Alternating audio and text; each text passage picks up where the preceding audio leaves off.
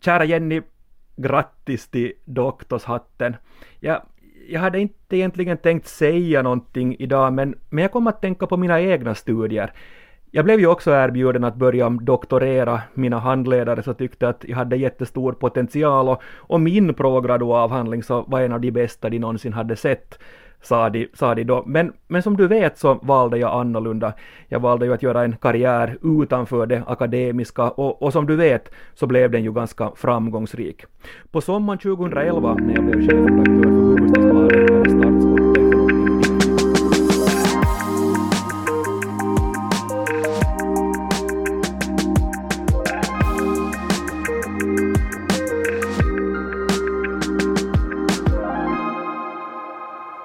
Kansalaiset medborgare. Det här är näst sista ordet med mig Jens Berg och språkexperten Jenny Sylvin. Hej hej! Skönt att ha dig tillbaka här Jenny. Det kändes tomt här i studion förra veckan. Det var lite sådär som ett alfabet med bara 14 bokstäver. Var inte det poetiskt? Ja, men har du tänkt på att näst sista ordet innehåller 14 bokstäver? Ah, Härligt! Kanske vi återkommer till 14 idag har jag på, på känn. Vi ska tala om tal, om att skriva tal och jag tror, eller jag har en sån här känsla av att det kanske finns ett uppdämt behov nu av att, av att hålla tal. Efter 2020 när ingenting har ordnats så kommer kanske allt att ordnas 2020 plus det som ordnas 2021. Så, så vi ska snacka om det här med att hålla tal och det är ju så Jenny att du bland annat undervisar i konsten att hålla tal. Ja, det stämmer. Alltså jag undervisar i, i retorik och kommunikation på Unis språkcentrum och där går det ganska mycket ut på, å ena sidan handlar det om, om uh, talängslan, som är en av de vanligaste fobier som finns. Och, men det ska vi inte tala om idag, men det är åtminstone det här med att vara rädd för att hålla tal är väldigt vanligt och också bland universitetsstudenter. Men de som inte är särskilt ängsliga för att hålla tal vill gärna fokusera på hur man bygger upp sitt tal. Hur man uh, argumenterar och hur man bygger upp det här talet så att det blir en berättelse som är intressant och som folk vill lyssna på. Det är mera det vi ska tala om idag. Mm. Och jag ska avslöja en sån sak också att jag jag har under ganska många år fungerat som spökskrivare för andras tal, liksom sådana som inte hinner skriva sitt tal eller sådana som upplever att de inte kanske kan skriva sitt tal eller sådana som bara vill bollplanka ett tal. Så jag har skrivit massor, massor av, av tal i mina dagar. Så vi är ganska väl rustade. Vi har en spökskrivare och en som undervisar i att hålla tal. Men vi har också en tredje tungviktare med oss i studion idag när det gäller att skriva tal och hålla tal. Det är vår kollega som vi haft med oss under hela hösten här, Martina Harmsalto. Hej Martina! Hej! Du, du har Martina gjort så mycket så jag vet inte ens var jag ska börja, men, men du har bland annat under många decennier varit aktiv inom, inom politiken och du har hållit ett och annat tal, vet jag. Jag har hört några av dem också, de har varit briljanta för det, för det mesta. Mm, men, men om du tänker på det största tal, eller det viktigaste tal, eller den största publiken du någonsin har haft när du har hållit ett tal, så va, vilket vill du lyfta fram? No, viktighetsgrad är svårt. Antal är lätt. Jag har hållit tal i Hartwall-arenan för 13 000 människor. Och det, där, wow. och det var när Marta Förbundena fyllde 100 år och det är en grysligt länge sen. Men, men man är liten som en myra i, i Hartwall-arenan när man håller tal. Och, eh, och, och, och ändå ska man få fram ett budskap. Jag tror att det gick kanske någorlunda. Uh, under Marta-tiden höll jag också många viktiga tal när, när reformer skulle introduceras eller, eller nymodigheter lanseras. Och, och, och ändå skulle jag säga att kanske mina viktigaste tal är, är tal i privata situationer. Mm. Kanske, kanske mina nykonfirmerade barn till exempel. Ja. Jag tänkte vi skulle börja här med en sån här kort lista på no-nos, alltså saker som man ska undvika i ett, i ett lyckat tal. vi hörde ju här i inledningen av sändningen så gav jag ett prov på det som man definitivt inte ska göra, alltså tala om sig själv när man ska tala om någon annan och för någon annan. Men vilka andra definitiva sådana här nej-nej har ni? Jag skulle säga att det finns en sak som överskuggar allt annat och det är det att du måste, du måste ha någonting att säga. Och, och därför betyder det obönhörligt att alla som ska hålla tal måste fundera jättenoggrant. Har du ingenting att säga, håll inget tal. Uh, och, och, vi har alla hört tal som inte har något budskap. Eller, eller lite som din introduktion, som, som egentligen mm. handlar bara om dig själv. Uh, och man kan inte förhålla sig lättjefullt till att hålla tal. Man kan inte liksom tänka att jag ser sen. Man måste förbereda sig grundligt, ordentligt, noggrant. Och en annan sak som är viktig att tänka på är det här att man kan vara hur nervös som helst för att hålla det här talet. Men man, man måste för publikens skull fejka, fejka en viss sorts lugn. Och ofta är det så att fejkar man lugnet genom att andas djupt, försöka få hålla, hålla kontroll på rösten, så lyckas man ibland till och med övertyga sig själv om att det här kommer att gå bra. Jo. Men när, man, när jag ber mina studenter lista vilken som är den viktigaste egenskapen hos en som håller tal, så är en, en ständigt återkommande idé det här att, att talaren ska tro på sig själv. För om den inte gör det, så då sitter publiken där och är lite ängslig. Att hur, ska, hur ska den här personen ro i land med det här talet? exakt. Men sen inledningen det är ju inledningen på talet som kanske, sådär om man ser på substansen, är den viktigaste byggstenen. För det första, den ska fånga publikens uppmärksamhet och sen anlägger den ju tonen på något sätt för hela, för hela talet också. Och sen, sen kan inledningen fungera som någonting sånt som man kan återkomma till senare i, i talet och eventuellt återknyta till i slutet av, av talet också. Men sen om man har en dålig start på, på ett tal så är, det, så är det ganska svårt att landa det sen har jag, har jag märkt. Har, har ni Jenny och Martina favoritinledningar på, på tal? Eller liksom, sådana tal som ni har hållit själva eller, eller tal som ni har hört eller läst om? Jag, jag tycker själv att, att, bland de bästa talen jag har hört är, är, är tal där, där den som håller talet är, är oändligt skicklig på att, att liksom ta med sig människor till en, en speciell stund eller en, en plats eller en stämning. Och, och, och, det blir en kollektiv resa för hela publiken eller en kollektiv känsla. Uh, själv är jag eh, kanske lite böjd att böjd till det allvarliga och till det serena. Jag tycker gärna att det får vara lite högtidligt utan att vara pompöst. Har du Jenny favoritinledningar? Jag är så dålig på att memorera de här inledningarna. Jag tänker just det där att, att en känsla som någon har förmedlat genom sitt tal, det är kanske det man minns. Mm. Det viktiga var inte orden i sig, utan känslan det förmedlar. Jag tror att både du och jag, Jens, har ett, ett gemensamt favorittal och det var han Strömstedt, vad hette han i förnamn? Bo. Bo Strömstedt som höll ett tal på mediespråkseminariet i Vasa där han berättade just om sin kärlek till svenska språket. Ja, det var för 15 år sedan ja. ungefär. Mm. Under, det, var, det var rubriken 29 bokstaven vill jag minnas. Jag, jag grät, jag var konferencier och det var, jag hade helt hopplöst, det var liksom helt hopplöst att gå på scenen efteråt. Ja, han, han liksom citerade så här giganter som Vilhelm Moberg och andra, men man insåg att han var en språklig gigant själv. Mm. Ja, jag, jag, har, jag har en. Jag, jag, jag läste den här, jag, jag kommer nog ihåg den ju sen jag läste den också, Sydafrikas första svarta president Nelson Mandela. Så han, han sa en gång, en, en gång så här när han talade om vikten av, av demokrati i landet. Sydafrika är som en zebra svart och vitt om vartannat. Det spelar ingen roll var du träffar, om du skjuter dör hela landet. Det, det är otroligt fint. Ja och, och, och, verksamt och lite dramatiskt, det får det ju också gärna vara. Ja. Men nu, Martina och Jenny, nu ska vi köra. Vi har ju bett er i publiken att skicka in era förslag på inledningar och uppgiften som Martina gav er, så var att skriva de tre första meningarna i ett tal. Och, och vi tackar redan nu för, för alla, alla bidrag. Vi har plockat ut några som representerar lite olika stilar. Och, och en av de här inledningarna som jag läser upp här, här nu för er, så kommer vi att utse som segrare till en vinnare. Och den segrande inledningen så ska vi tre sen jobba vidare med i det här avsnittet och se vad det ska kunna bli av den. Det här blir ganska skoj va? Mm -hmm. uh, först en, uh, ska jag kalla den, humoristisk och tankeväckande inledning kanske. Maggan skriver så här. En positiv inställning och ett negativt test. Det är receptet på ett lyckligt liv. Hoppas ert äktenskap blir lika tillfredsställande som den långa biten i Tetris. Vad säger ni om Maggans förslag? Jag tycker det är ganska överraskande att önska folk negativa test i samband med bröllop. Jag tänker direkt spontant på, på, på graviditetstest. Det här är ett, familj, ett par som inte önskar sig barn. Och, och jag igen tänker förstås att det är ganska briljant med tanke på, på det där coronasituationen och att det anknyter till det. Och, det där, och, och jag som inte är någon, någon, spelare, men jag tycker ändå det är vitsig den här referensen till Tetris. Ja, jag tyckte, jag tyckte också om den. Vad sen, roligt, och just överraskande, en överraskande ja, inledning, otypisk. Ja, ja. Och sen märkte ni också att, att, att Maggan hade med det här tretalet, som är alltså en sån ganska klassisk ingrediens mm. i, i tal också, gärna med en twist. Här hade hon lyckligt liv, positiv inställning och negativt test.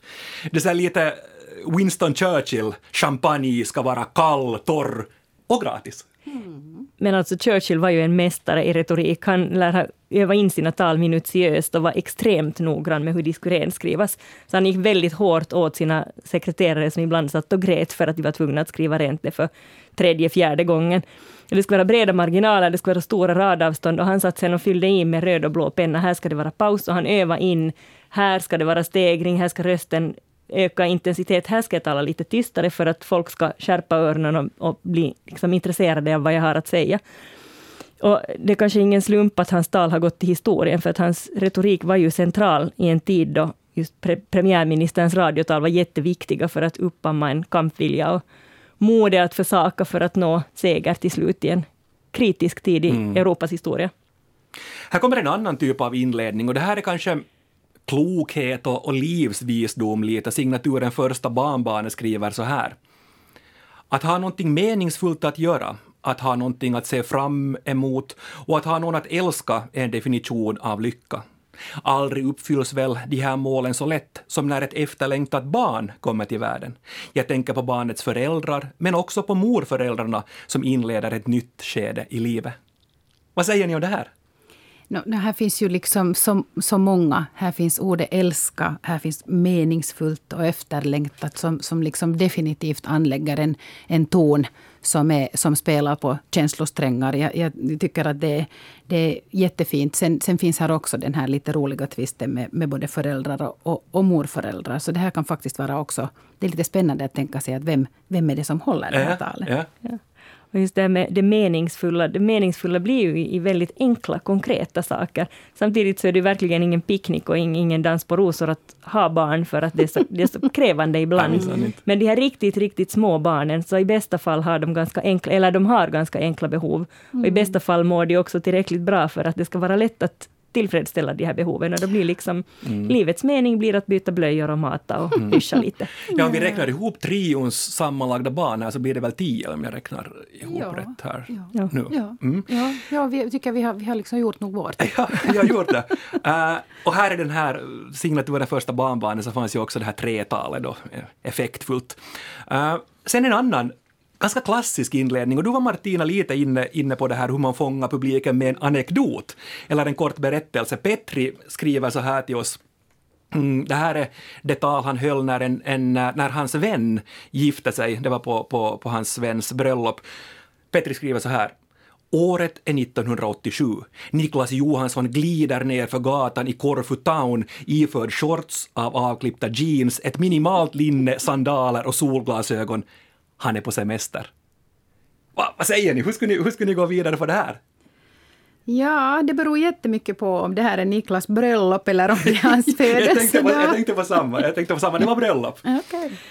Och jag tänker också att, det här, här blir just poäng, hur, hur byggs det här vidare? Jag, tänker, jag får nog en bild av alltså sådana spegelglas på solglasögonen och lite neonfärger 1987 på Korfu, tänker jag. Och, och det här blir det, spinns det vidare och just det blir en liten tidsresa och nostalgitripp för de som var med 1987. Men, men här är kanske... Tjechov har sagt att om du hänger upp ett gevär på väggen i första kapitlet så ska det avfyras senast i fjärde eller femte kapitlet för att berättelsen mm. ska vara bra. Så man ska inte ha med någonting som inte har ett syfte för berättelsen. Och jag tänker att, att en sån här inledning ska gärna vara en central del. Det, det, det ska vara, den här Korfu-incidenten ska vara en viktig del av det här talet för mm. att det ska förtjäna sin plats. Mm. Jag tänker kanske att, att Niklas träffade någon på stranden som sa att det är helt okej, okay, men ditt linne är för litet. ja, men tänk om man träffar sin blivande partner. Ja, ja. Det kan också ja, vara. Jag att det var just hon. Ja, ja eller han, han förresten. Mm. Sen, sen uh, den, den fjärde, och det här, det här är ganska fascinerande. Signaturen Spegel skriver, skriver så här. När jag lärde känna dig hade vi varit vänner i 14 år. 14 långa, vilda och härliga år. 14. Äh, men vad säger ni? Va, va, va, varför är det så här, alltså den här inledningen så kittlande och så spännande? Jag tycker det är jättefascinerande att Spegel och hens vän hade hunnit vara vänner i 14 år innan de lärde känna varandra. och det väcker frågan, vad var det som hände att att Spegel tycker de lärde känna varandra då och inte under de 14 tidigare åren av deras vänskap. Och jag blir nyfiken och direkt fångad på kroken. Ja, absolut. Och, och det här är ju lite fascinerande för att här finns ju den här, den här motsatsen. Och, och motsats är ju också en ganska klassisk ingrediens i ett tal. Och, och ni minns säkert äh, förra presidentfrun Michelle Obama, vi, det var ett partikonvent vill jag, vill jag minnas när hon talade om att man inte ska sänka sig till motståndarnas smutskastningskampanjer. When they go low, we go high. Att det, är ju, det är en sån här liten ingrediens som finns i spegel. Men jättefascinerande. Är ni med på att vi, att vi säger att spegel är bäst? Ja, jag skulle nog, jag skulle, jag skulle nog vara med på det. Det är intressant därför för att, för att uh, först nu märker jag det här med att när jag lärde känna dig hade vi varit vänner redan. Ja. Jag, jag hade liksom, det hade jag inte alls uppfattat, Ja. så jag har tolkat det här faktiskt helt annorlunda. Ja. Men, det där, men det är nog, det är nog spegel, spegel, de är alla bra, Ja. men, men spegel lämnar Spegel skulle ju också kunna vara början på en deckare. Exakt. Men du är Jenny med också? Jag tänker, det finns ju sån här liksom narra- narrativ teori hur man bygger upp en god berättelse och mycket av det stämmer in på ett tal också. Man tänker sig till exempel den här berättelsekurvan som profilen på en fisk. Inledningen ska hugga tag på en tag i en. Sen kan man börja lite försiktigt men i alla fall med en stegring. Där höjer sig fiskens rygg och sen kommer till sist fenan då som ett sånt här klimax. Sen sjunker in- intensiteten mot slutet, lugnare tempo, en avslutning. Men sen kommer det ändå en klatsch med stjärten.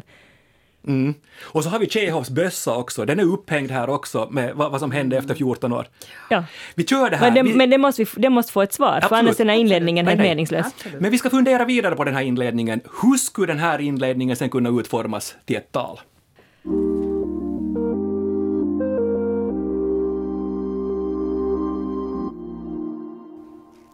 När jag lärde känna dig hade vi varit vänner i 14 år. 14 långa, vilda och härliga år. 14. Nåja, där har vi inledningen. Nu ska vi skriva tal. Vi vet ju inte målgruppen nu. Det här är det enda vi, vi vet. Och vi vet ju inte vad som, vad som har hänt riktigt, men vi vet att det är någonting dramatiskt som, som, som har hänt eller som hände för, för 14 år sedan. Och vi vet att det handlar om en lång vänskap, så vi får kanske bara fantisera lite här, här nu hur, hur det här är på riktigt. Och, och, och, och jag jag föreslår så här att det ska handla om två väninnor och att Spegel håller det här talet när vännen fyller 50 kanske då. Och, och att målgruppen är förutom Spegels väninna även väninnans övriga vänner, kollegor och kanske lite släktingar på plats också. Ni ser framför er ett 50-årskalas med ganska blandad publik. Jag tänker och, att många av de här säkert känner Spegel och vet att de, har, de är bästisar, men det kanske också finns just kollegor och andra som nu kanske inte har träffat Nej, nej, nej, det är säkert så.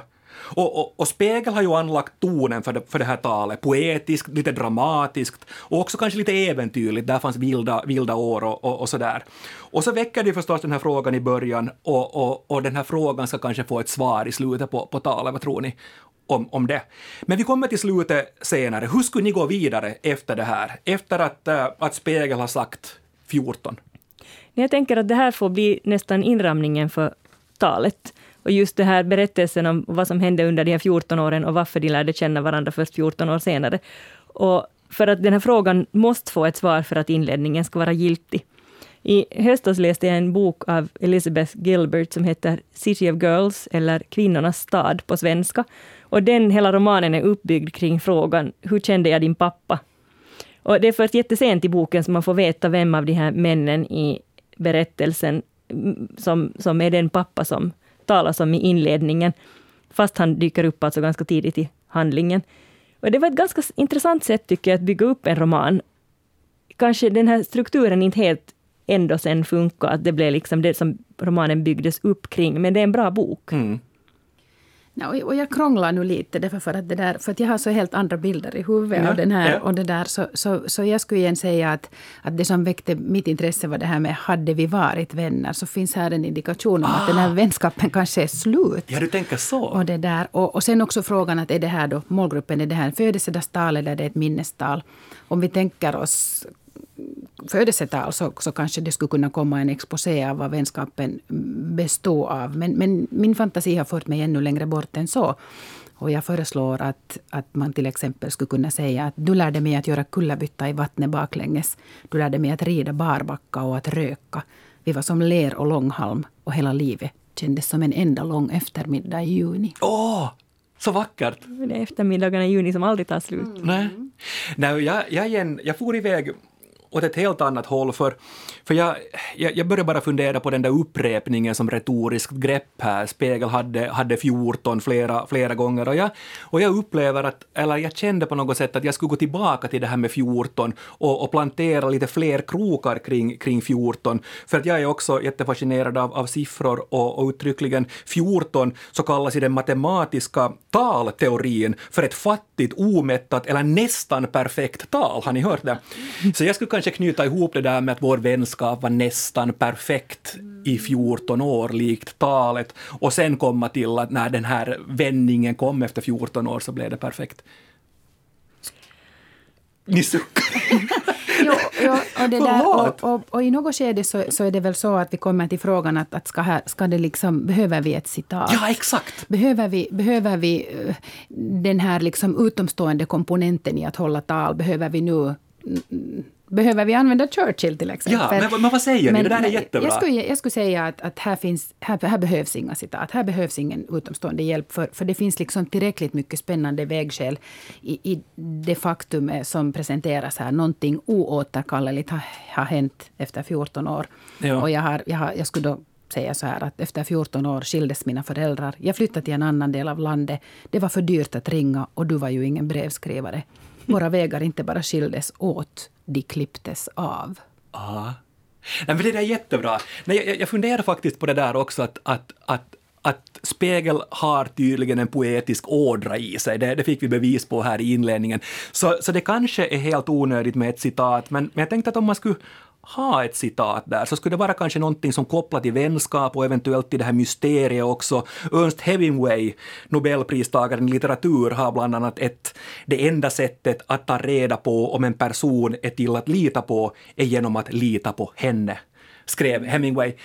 Och, och, det skulle eventuellt kunna, kunna passa där, för då blir det någon form av en bro till ett, till ett crescendo, att ni, vet, ni har anförtrott varandra någon, någon hemlighet, ni har delat någonting riktigt, riktigt privat. Det här finns något skumt.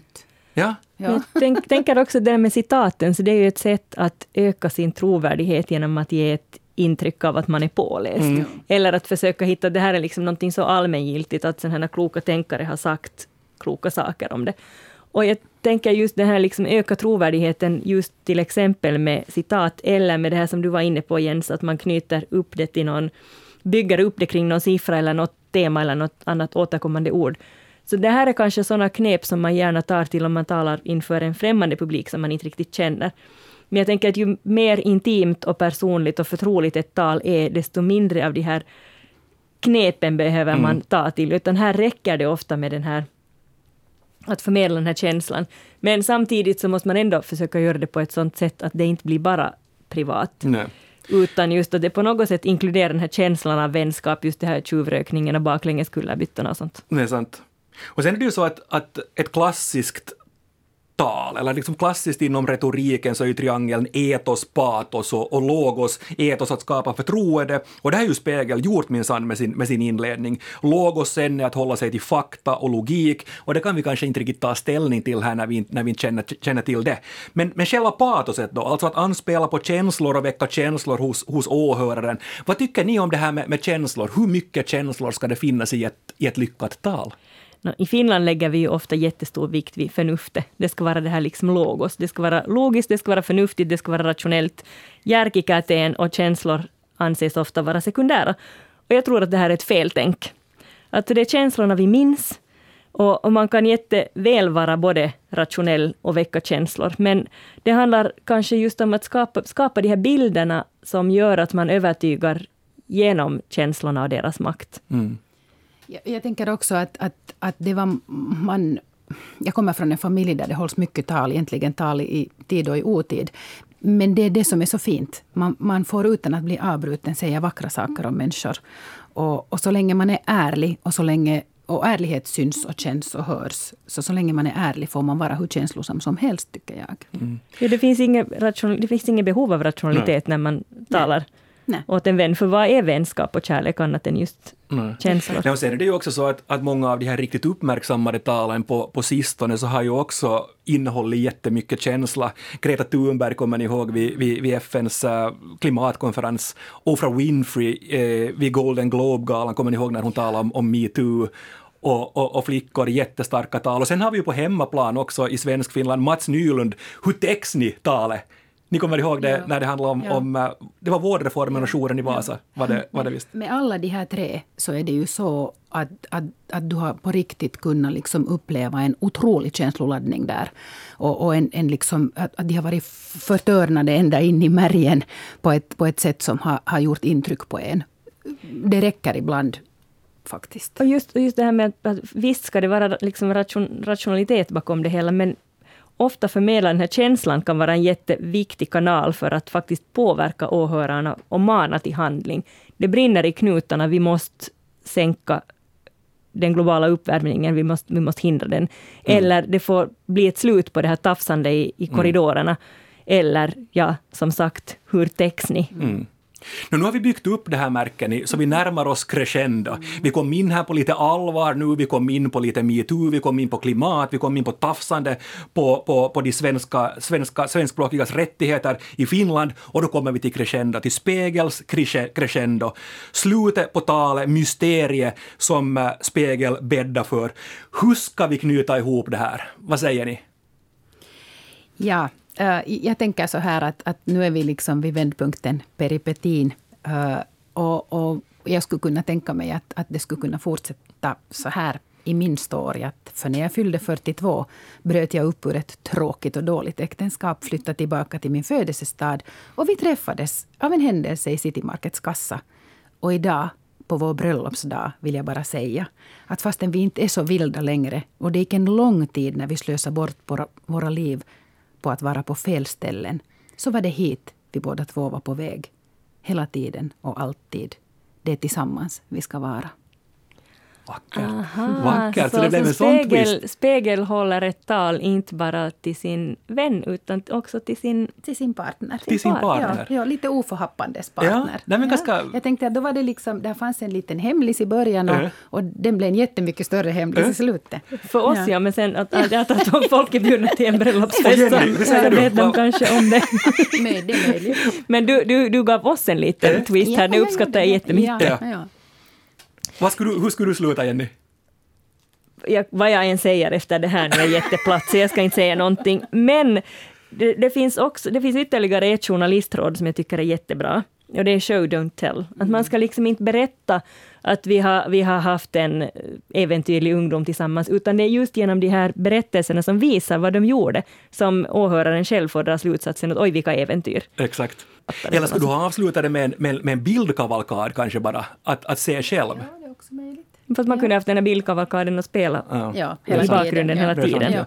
Ja, nej, jag, har inte, jag, jag tycker Martinas är bäst här också. Jag, jag, jag skulle kanske ha gjort på det sättet att, att i slutet så skulle jag kommit tillbaka till det här greppet och säga att, att det skulle ha varit så att väninnan fyller 50. Så skulle jag kanske ha sagt någonting i, i, i stil med att jag är så otroligt tacksam för det vi har. Jag har nu fått dela fler än hälften av dina 50 år. Långa, vilda och härliga 50 år. 50 år. Snyggt. Ah, Snyggt. Eventuellt. Mycket, mycket upprepning där, jag gillar Ja, det blir en spegel. Ja, det är snyggt. Det är jätte... I spegelstext blir det. Men just det här att, att början spegla, slutet speglar Ja. början. ja. Men hörni, äh, för det första Martina, tack för att du var med oss i studion idag. Och för det andra, tack för gott samarbete under hela den här hösten. En av upphovsmakarna till näst sista ordet också. Så härligt att få ha dig med här när vi har talat om tal idag. Och Jenny och jag, vi är tillbaka igen om en vecka. Det är TJ7 dit. Det är TJ7. Det är TJ7. Om en vecka så ska vi tala om den fascinerande dragsvikskan, alltså millispråket eller millislangen. Och tack ännu för alla de tusentals kommentarer vi har fått under den här hösten. Fortsätt gärna att skriva till oss på nastsistaordet yle.fi. Har ni förslag på ämnen ni tycker att vi ska behandla i näst sista ordet? Eller funderar du på varifrån ett ord eller ett uttryck kommer? Skriv oss, vi tar reda på. Men nu, för den här veckan och för det här året, säger Martina, Jenny och Jens nu morgens. Morgens!